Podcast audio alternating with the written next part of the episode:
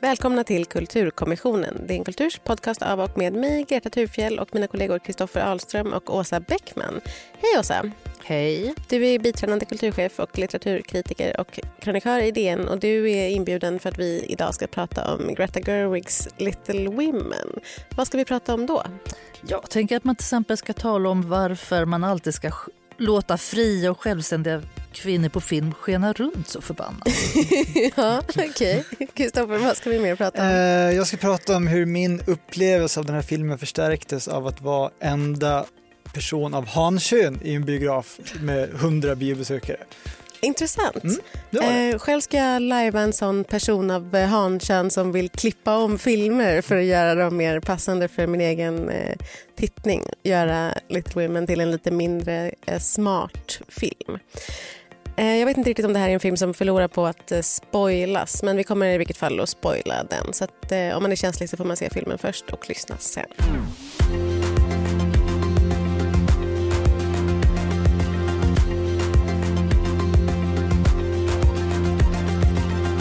är 1860-tal och de fyra systrarna March, Joe, Meg, Amy och Beth bor i sitt lilla hus i Massachusetts med sin mamma och sin hushållerska. De skådespelar, musicerar, målar och handarbetar. De hjälper traktens fattiga och så småningom börjar de umgås med sin granne, rikemanssonen Laurie. Little Women följer dessa små kvinnor under åren då de blir vuxna och presenteras för sin omvärld. Filmen är skriven och regisserad av Greta Gerwig och baserad på Louisa May Alcotts roman med samma namn.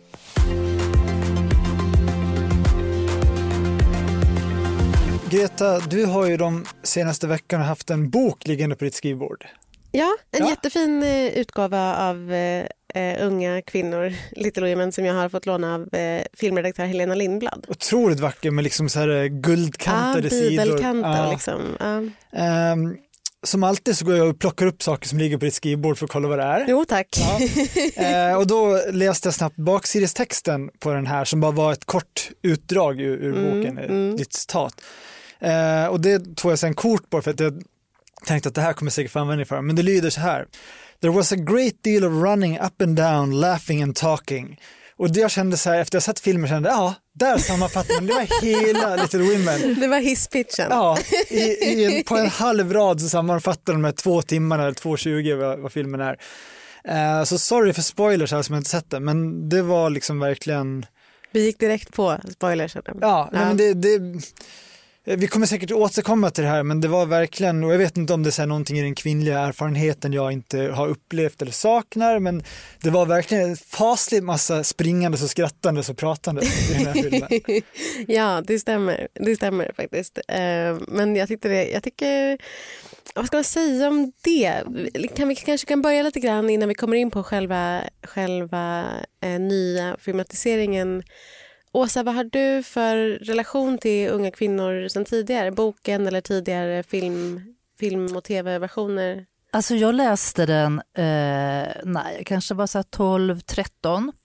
Och sen har jag faktiskt, jag har aldrig sett en enda filmatisering och inte ens den där berömda 90-talsfilmatiseringen. Eh, men nu i helgen så försökte jag börja läsa, jag tänkte jag skulle läsa om det, men då hann jag ungefär halva. Men det, det var faktiskt härligt att komma tillbaka till den. Jag hade tänkt att jag skulle äh, läsa om den, eller läsa men du den, gjorde det inte, sagt, men jag hann inte. Nej. Äh, men jag har inte heller läst den sen tidigare och, och, borde verkligen ha gjort det för det finns ju massa andra böcker i den där genren som jag liksom älskar, älskar och galen ja. i. Typ eh, Lilla huset på prärien-böckerna ja. som är liksom mina stora uppväxtböcker mm. på något vis. Jag fattar inte att jag inte riktigt har läst den men jag har inte heller sett några av dem av de eh, tidigare? Nej, utan, men det är ju som, som också sa den här liksom, den mest kända är väl den med Winona Ryder, Kirsten Dunst och eh, Christian Bale som den unge Laurie i 90-talsversionen. Eh, men för min del, jag har inte heller läst det, men däremot så dyker den ofta upp i olika, eftersom jag är ett stort fan av verk som handlar om julen, så dyker den här väldigt ofta upp i, tillsammans med Dickens och, och motsvarande. För att första meningen är väl typ så här, julen vore inte julen utan några presenter. Ja. Eh, vilket är lustigt för att den här filmen kändes inte, det var liksom, det var skridskoåkning och det var julfrukost där men det kändes inte som en julmysig film. Jo, det är ju Men- jättemycket jo. julmys precis där i början när de har ju fått ge bort sin julfrukost till Precis. sina fattiga julegrannar och så, så kommer de tillbaka så har det varit en ännu rikare man där och lämnat ännu mer julemat. Så på ett sätt kan man säga hela det där jultemat eh, koncentrerar liksom hela filmen egentligen. Det där med att man, man ska ge bort och så blir man också belönad när man Exakt. ger bort och att man ska veta sin plats. Och det, man, det, det tänkte jag också på. Jag tänkte, ja men det var ett väldigt tydligt budskap att så här, den som ger ska också få. Men sen då när, och nu kommer jag genast in på ännu mer spoilers här, men då när, en, eh, när, när dottern Beth går över till den här fattiga familjen igen för att hjälpa så blir hon smittad med scharlakansfeber och dör i det. Ah. Så att det är verkligen så här också, ja men man ska inte vara för närgången och givmild. Nej. Lagom är bäst. Ja, Ja, men, jag det vet inte. Det, men det, verkar också, det var också så här, ja, det var väl enda stråket av mörker också jag kände i hela filmen. Där liksom verkligen brände till. Men vi kommer till det, om, Ja. om liksom hela Jo men allt, allt, allt, allt ska vi komma till Mm. under det här samtalet. Men en sak som, som det har liksom diskuterats mycket kring skådespelerskornas insatser är just Emma Watson som spelar eh, den näst äldsta systern tror jag, Meg. den äldsta. Den allra äldsta. Ja, hon är äldst. äldre, Ja, hon är äldre än ja. Joe. Okej, ja, men det är bra att du är med hos dig. Hon har fått rätt mycket kritik just för att Emma Watson av någon anledning inte är så eh, väl omtyckt och eh, också sägs vara en väldigt dålig skådespelare i den här filmatiseringen. Vad tycker ni om hennes... Ja, Är hon inte ganska tråkig? Men jag tycker inte hon är tråkigare än någon annan. Jo, ja, men hon, ja, men hon är så jäkla slät och trist. Och så samtidigt kan man säga att den rollen, alltså Meg, är ju... Det är lite synd att man inte gjort mer av henne tycker jag. Därför att hon och Joe går ju så lite parallellt i början och, sen så, och är lite så här frihetstörstande bo, båda två. Och sen så gör ju Meg liksom att hon svänger ju av från den frihetsvägen och sen så blir det viktigt för henne med att gifta sig Ja. och få barn och så. Men det dramat skulle jag vilja ha lite mer eh, alltså gestaltat. Jag tycker att, att det finns en potential där som inte riktigt filmen tar hand om. Mer än att hon längtar efter att få klä sig vackert och att hon har den här eh, informat, fattiga informatorn som hon lever ihop med och kan inte få tyget till den vackra klänningen hon vill ha och sånt där. Men det är liksom inte, det är inte problematiskt på riktigt. Jag håller verkligen med om det. Att det om, om det är någonting som är liksom lite halvdant gjort så är det snarare hennes, hennes utveckling. Karaktär, ja. Om man jämför med typ hur de sägs ha utvecklat karaktären eller eh, rollfiguren Amy Ja, som, som Ja. har fått en mycket större liksom, omgörning i Ja. den här filmen har jag förstått. På olika think pieces som jag har läst om nya Amy och sånt där. Ja, men det är också en ganska otacksam uppgift som Emma Watson får. För att när man har utmejslat de här fyra systrarna så är de så otroligt tydliga. Att jag satt och tänkte på det som en Elsa Beskow-bok. Det är liksom systermusik, systerbok, systerkonst. Och vad var den fjärde? Det var någonting att hon gillar lyx. Hon var på debutantbaler och liksom behövde dyra klänningar. Det, och det är mitt bestående minne. Vad, vad var hennes talang? Vad definierar henne Nej, egentligen? men hon är ju den stora skådespelerskan. Ja, så var det kanske. Ja, ja, Men- ja det förträngde jag väldigt snabbt. Men det är kanske för att hon valde bort yrket för att gifta sig. Ja. Du vet, Kristoffer, att från början så skulle Emma Stone ha spelat Emma Watsons eh, roll. Men eh, sen så, sen så eh, skulle hon göra någonting annat så då var hon tvungen att byta. Det är ju synd för Emma Stone hade gjort den där rollen på ett annat sätt Ja. man tänka sig. Verkligen, mycket mer uppkäftigt säkert Ja. och liksom med mer strålglans. Men då kanske hon hade tagit över för mycket, jag vet inte. Precis, hon är lite, kanske lite för känd liksom, Mm. i jämförelse med de andra. men jag älskar Laura Dern. Alltså jag älskar den där smala, flaxiga sättet att, att spela. Ja, Marmy. Ja, och det som är så här, eftersom hon är mamman då. Och, eh, och speciellt det där flaxiga hon ju haft till exempel i Big Little Lies eller Marriage Story så är hon ju precis den där superintensiva, lite så här neurotiska typen.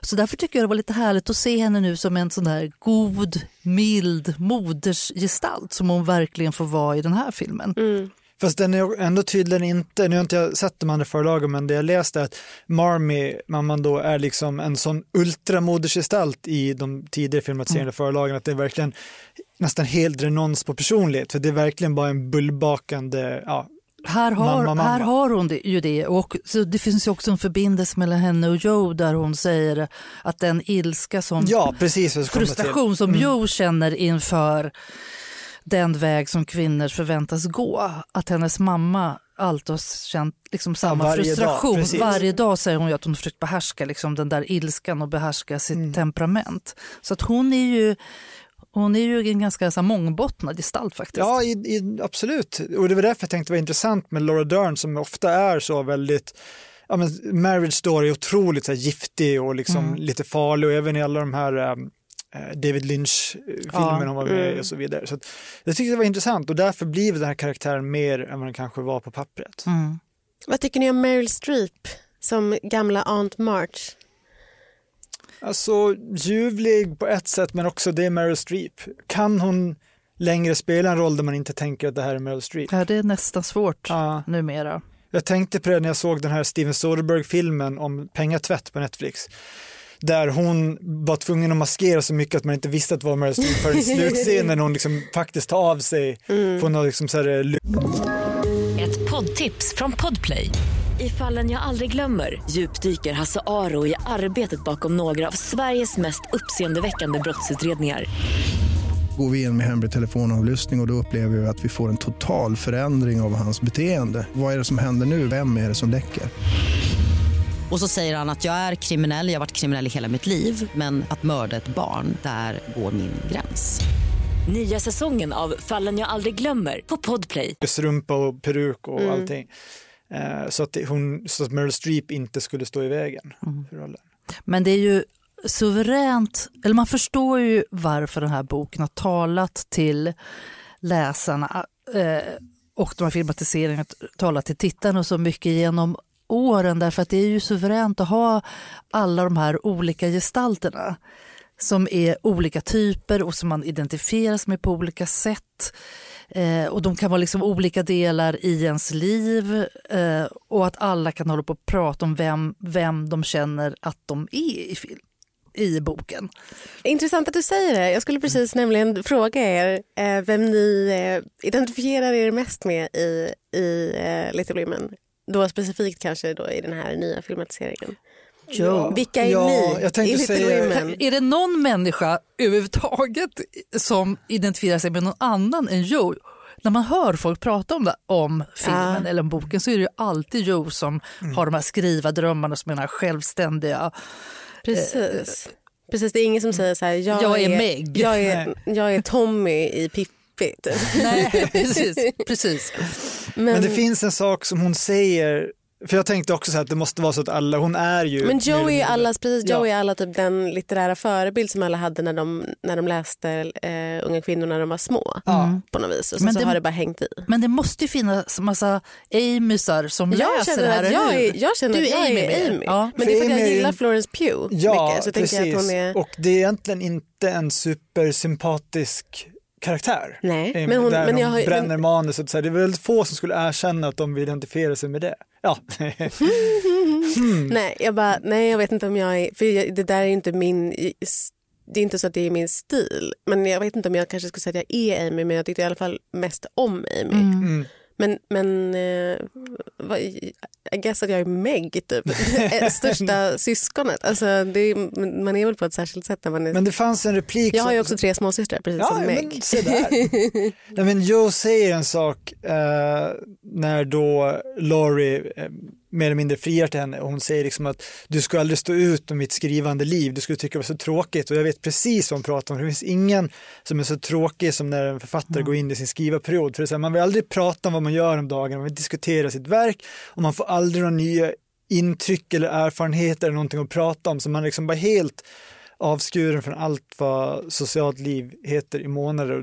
Man känner själv hur otroligt tråkig man blir. Så jag kan verkligen förstå hennes vädjan till honom att han är så här, partykillen Dandy, du ska, leva, du ska leva ditt bästa liv och det är inte med mig.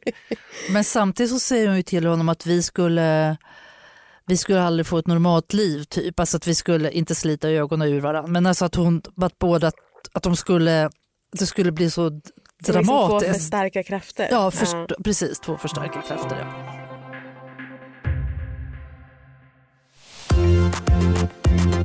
En sak som jag funderade mycket på eh, både innan jag såg filmen och efter att jag hade sett den eftersom jag hade läst så mycket om just eh, filmens eh, feministiska potential eller eh, kvinnosaksfrågan eh, i Mm. filmen. Och den kan man ju säga att Greta Gerwig har tagit sig an genom att göra Joe March till eh, Louisa May Alcott. Mm. Gud vad svårt att säga namnet. Louisa May Alcott. Hur, hur, tycker ni, hur, hur mycket tycker ni att, att den var liksom uppdaterad för så här modern, eh, modern feminism eller moderna liksom kvinnosaks, eh, kvinnoideal? Hade, hade det gjorts tillräckligt för att liksom fräscha upp Little Women för idag? Jag tycker att de har gjort tillräckligt för att det känns som att om man skulle driva det ännu längre så skulle det kunna bli så här lite töntigt att man ska liksom anpassa det Alltså att viljan att modernisera skulle bli för stark. Mm. Så jag tycker att hon lägger sig på en ganska bra nivå. Ja, ehm, jag tänkte så här, ehm, det finns en scen där, eh, lite som du var inne på så här, förut, när Joe beklagar sig för att den här pressen på kvinnor i ja, den tidens samhälle att gifta sig för att kunna ha ett drägligt liv överhuvudtaget och man känner så här, oh, det här är verkligen nutiden som, som talar till dåtiden. Men sen lägger hon in det här som är så snygg, att hon bara är så trött på att man måste gifta sig, man måste träffa en man, men samtidigt så är jag så otroligt trött på att vara ensam. Och det tyckte jag var en, en fin kontring att liksom balansera upp det där som annars skulle kunna bli att man bara står på en låda och, och skriker. Jag håller med om att just det var fint. Jag tyckte nog snarare alltså, tyckte att det var, det var ovanligt för att annars var det så väldigt, väldigt Ja. tydligt allting. Eh, och hennes eh, eh, övertygelse är så tydlig och hon är så... Och det finns ju det här, det här med att man har liksom blandat ihop eh, karaktären Joe March och, och författaren Louisa May Alcott blir ju också lite så här... Uh, uh, de går på någon slänt alla fyra systrarna och är så här... Men vem skulle vilja läsa om oss? Vi är bara små kvinnor. Nej, ni kan inte göra det så här övertydligt. Jag klarar inte det. Gång på gång ska det sägas. Och de Ja, här- jag tänkte om att hela det här meta... My little women som pappan kommer hem och säger ideligen. Stup i kvarten ska det påtalas. Ja, men hela det metatextuella tänkte vi spara till slutet. Det kan För vi göra. slutet är ju verkligen där allt det här eh, lyfts fram med all sorts tydlighet. Men jag tänker också när de går där på slänten och säger det, då tänker jag, ja på ett sätt är det ju då med det där feministiska, men det är också ett så här partitagande för, för vardagen. Att man känner att, att det är en, vad ska man säga, ett partitagande för att vardagen är viktigt och för att var, det här familjelivet och vardagssysslorna är någonting som är Mm. värt att skildra. Alltså jag tänker att det är, det är inte bara eh, feministiskt utan det är också ett ett realismförsvar. ett Ja, inlägg i precis. autofiktionsdebatten. Precis, precis, precis exakt. Ja, men också tänker jag för att eh, det är väl Amy som säger, de har en debatt om huruvida vem skulle vilja läsa det här, det är ju inte viktigt och då svarar hon, nej men jag tror att det blir viktigt när man faktiskt skriver det. Så det är också så här någon Ja. slags försvarstal för litteraturens kraft, att den kan liksom upplyfta en ja, vardaglig eller grå tillvaro och sen genom igenkänning antar jag eh, blir någonting större. Men jag tänker också i början där när, när man säger i inledningsscenerna så springer ju Joe genom deras lilla stad där. Och först när jag såg det tänkte jag, men varför ska alltid lite mer fri, fria kvinnor i filmer skena runt förbannat?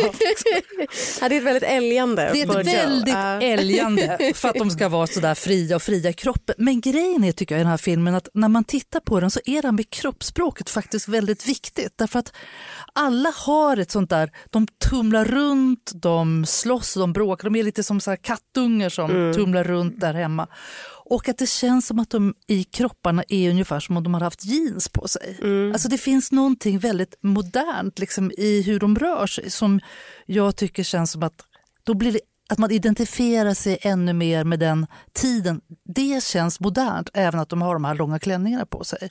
De har väldigt vackra klänningar på sig. Mm, det alltså, är fantastiskt. Måste man säga. Det, det, mycket kan man säga om liksom, unga kvinnor men den är, oj vad den är vad de har vackra kläder, vad det är vackra Ja, miljöer. det, nu vet inte jag ens komma in och sabba partyt här, men den är väldigt också känns som medveten om hur snygg den är. Det är så här, om det är ett bråk mellan Joe och Laurie, då är det liksom medans träden har den här otroliga brandfärgade skruden, liksom New England-skogen på hösten. Ja men det är fint, det är kostymfilm, det ska vara sådär. Men det var också, det var någon recension jag läste där de skrev så här att det här är som om Vanity Fair hade gjort sitt September issue om Little Women, det är vad hela filmen är. Det är verkligen så. Men det är en rolig detalj, det var någon, jag hörde någon säga att liksom, eh, skådespelarna fick sina liksom, dräkter på morgonen, så fick alla i uppdrag att själva styla den. Som de trodde liksom att Mm. rollfiguren skulle ha gjort. Ja, det är mysigt. Mm. Du, eh, ni, snarare, jag måste fråga en annan grej som handlar om de olika tidsperspektiven i eh, filmen. Den börjar ju nämligen som du sa Åsa med att hon har, eh, Joe har fått en, en eh, novell såld eller vad man ska säga. Mm.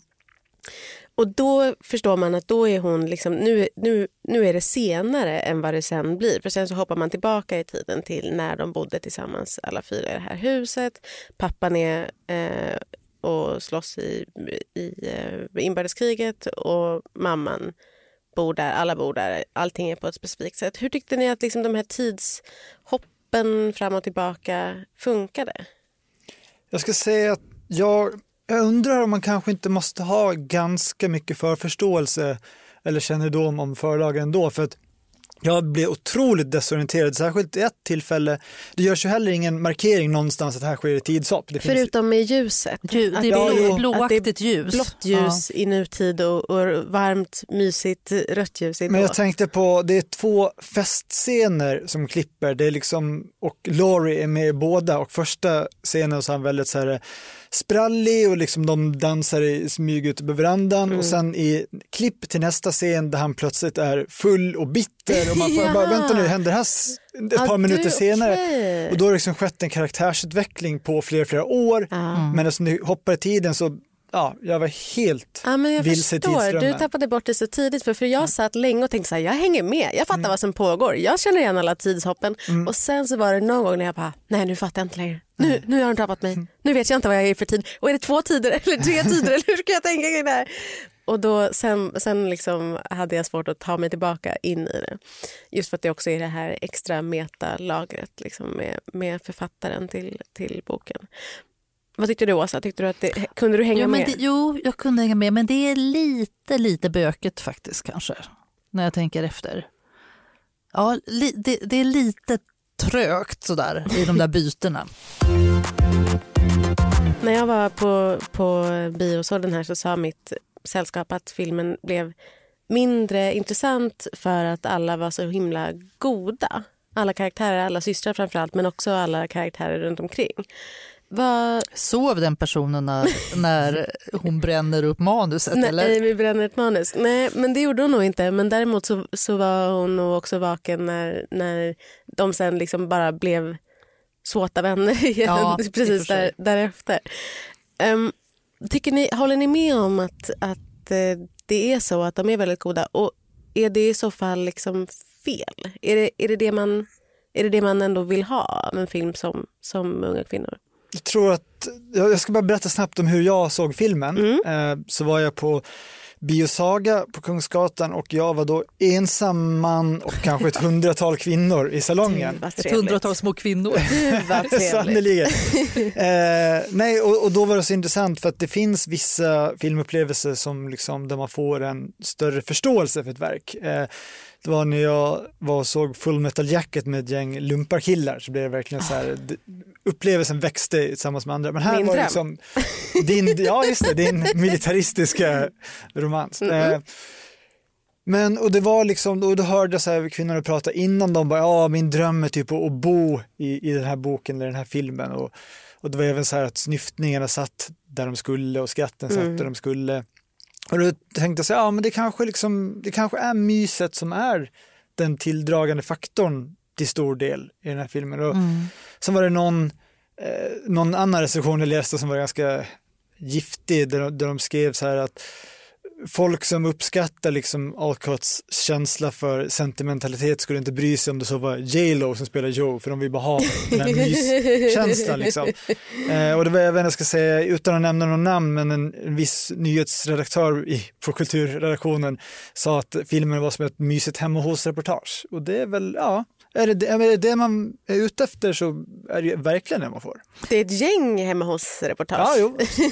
Men det, jag tycker att det är lite härligt, det är ungefär som ett dockskåp. Alltså ett väldigt mysigt, väldigt så vackert dockskåp och inom det händer det en massa saker och små förskjutningar mellan människor. Att det är det som är lite grejen. Det behöver inte vara ondare än så. För det har ju varit värre. Okej, de är goda, de flesta. eh, De är goda kan man säga. Men det är ju inte ett oproblematiskt liv. Det är ju lite skillnad tänker jag. Att, om det, att det, det är ändå så här, så, det är ändå, finns någon sorg ändå i den. Mm. Får jag fråga Greta, du som inte heller hade någon eh, kunskap om det här innan. Förstod du att, filmen är, eh, att familjen är fattig? Alltså, Det kan jag säga, den föll inte ner hos mig. eh, så måste vi in på den här vad är relativ fattigdom-diskussionen. Eh, de är- ju inte så fattiga. Det beskrivs alltid som poor family. Absolut, absolut, absolut. I jämförelse med, eh, ja, men det är som när Meg ska gå på, på bli introducerad på bal och sånt där och, och inte ha lika fin klänning som de andra. Och bara, har du bara en klänning? Så här, jo men hon har en jättefin klänning, alltså hon har en balklänning och det är ju ändå så. Men så de ska ju, det är ju det är liksom i, i eh, den eh, så profound eh, upplevelse man ska få av sig parasit. Att så här, man tror att man är fattig men det finns alltid en, eh, ett källarlager under. Som i den här familjen som de går hem till och, och tar hand om och, och som de straffas med scharlakansfeber för att de, för att de är snälla mot. Men det är, de är inte så fattiga. Alltså de är inte rika men de är inte så fattiga. Men jag som då gått till källan Mm. eh, i boken då, Mm. där känns de mycket fattigare än vad de gör i filmen. Och det är väl också för att det är så visuellt överdådigt och det är så Precis. otroligt det här varma ljuset och alla textilierna och det här brasan och frukostborden och allt sånt där. Så att i boken känns de faktiskt som att eh, de är liksom mer drabbade. Men så finns det ju hela den här att de har eh, den gamla Mr Lawrence som bor bredvid som Ja, är rikare precis, plus att den här precis. fattiga charlakansfamiljen då. ja, så att de ligger ju så här verkligen så här mitt emellan. Precis. De är bara medelklassen. Ja, i bo- men i boken är det ju, eller i filmen menar jag, så är det ju mer som ett cozy så här hemmareportage. Det kan man ju inte komma ifrån. Men det som jag tänkte på just det här med, med eh, hur karaktärerna beter sig, att de ändå alltid är liksom förhållandevis goda. Visst, man kan säga så här, jo att Laurie gifter sig med, med Amy när han inte får Joe. Mm. Det är ju, nu är de kära så det är ju så här, det är ju vad det är, men, men det kanske inte är, då är så gott eh, på ett sätt. Han Men- säger ju att han, det aldrig kommer bli som om det hade varit med Joe, säger han ju till henne. Så att man Exakt. förstår att det finns en inbyggd, om inte besvikelse så i alla fall att man skruvar ner vad man Ja, hade velat ha. Precis. Ja, hon slutar till och med måla tavlor för att Ja. gifta sig istället. Ja. Så att det, men det, det, Men det en annan menar- sak som hände med det, men för då, då tänkte jag så här, för vid ett annat tillfälle så är ju Laurie och ehm, Meg tillsammans på bal och då börjar han liksom flörta med Meg. Så jag sa nej, åh nej, jag klarar inte det här. Att han ska liksom arbeta sig igenom varenda syster.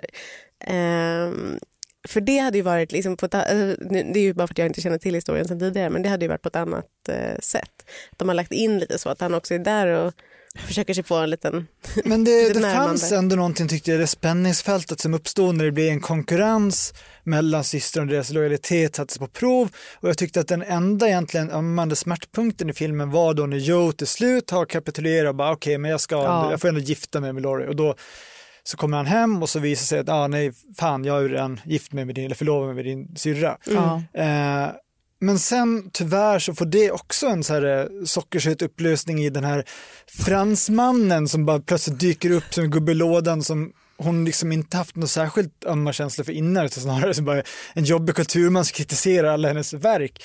Eh, Men det är ju och för att han är den enda som vågar säga sanningen till henne. Det är ju jätteromantiskt Kristoffer. Nej, för det var, det var den gången jag blev riktigt medryckt i filmen. Då sa så här, nej gör det inte, spring inte efter honom. Ja. Det här eh, helt strider mot liksom din, ja, Men jag uppfattar också som att han faktiskt tar henne på allvar och därför, inte att han ska trycka till henne när han kritiserar henne utan att han eh, ser att hon har potential, potential Mm. och att hon ser, han ser hur hon skulle kunna bli bättre. Men han är ju som en sån fantasifigur som när man tänker att prinsen kommer på en vit häst, Mm. plötsligt bara står han utanför Mm. familjens Mm. dörr. Liksom. Så himla praktiskt att träffa honom på det sättet. Men då kommer vi in väldigt behändigt in på slutet som jag tyckte ändå rädda upp. För att det är ju som du säger Åsa, väldigt så här, ja, sockerkött, eh, prinsessan får prinsen på slutet. Eh, för då blir det något, något så här konstigt metalager där hon går till sin redaktör med manuset och han bara säger så här, nej men hon måste gifta sig på slutet. Ja. Eh, ingen vill ha ett olyckligt slut med den här liksom, kvinnan som förblir singel och nucka. Och då säger hon så här, ja om, eh, om jag ska gifta bort min karaktär så vill jag ha, eh, vad är det, copyrighten, upphovsrätten till romanen.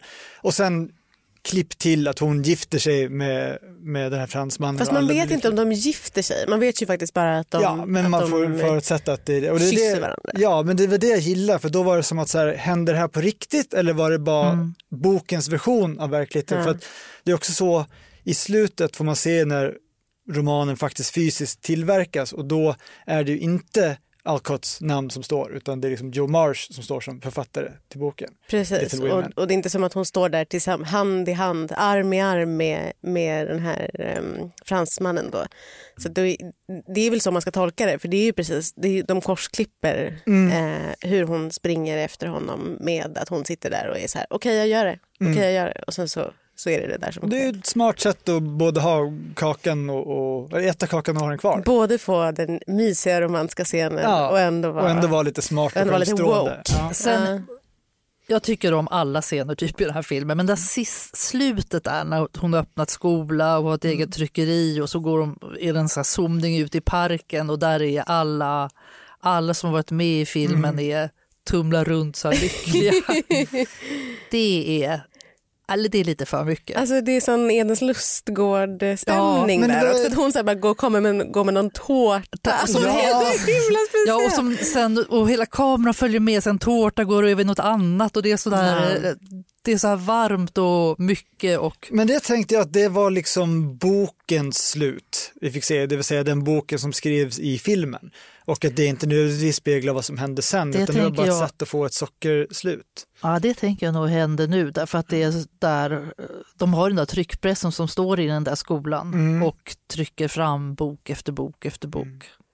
Det är någonting som är med precis just det där att alla är där och alla systrar är också där och har börjat jobba på den här skolan. De har små och, barn och det, Ja. det, det är verkligen som att Ja, det har planterats tidigare i filmen att det finns inga riktiga bra skolor Nej. för kvinnor. Och så. Ja, allt löste sig. Tycker ni liksom att... Eh, vad tyck, hade det liksom varit bättre om, de, om, om Louisa May Alcott och, och Joe March bara hade fått vara åtskilda? Eller fanns det ändå en poäng i att göra det på det här sättet, att liksom sudda ihop dem?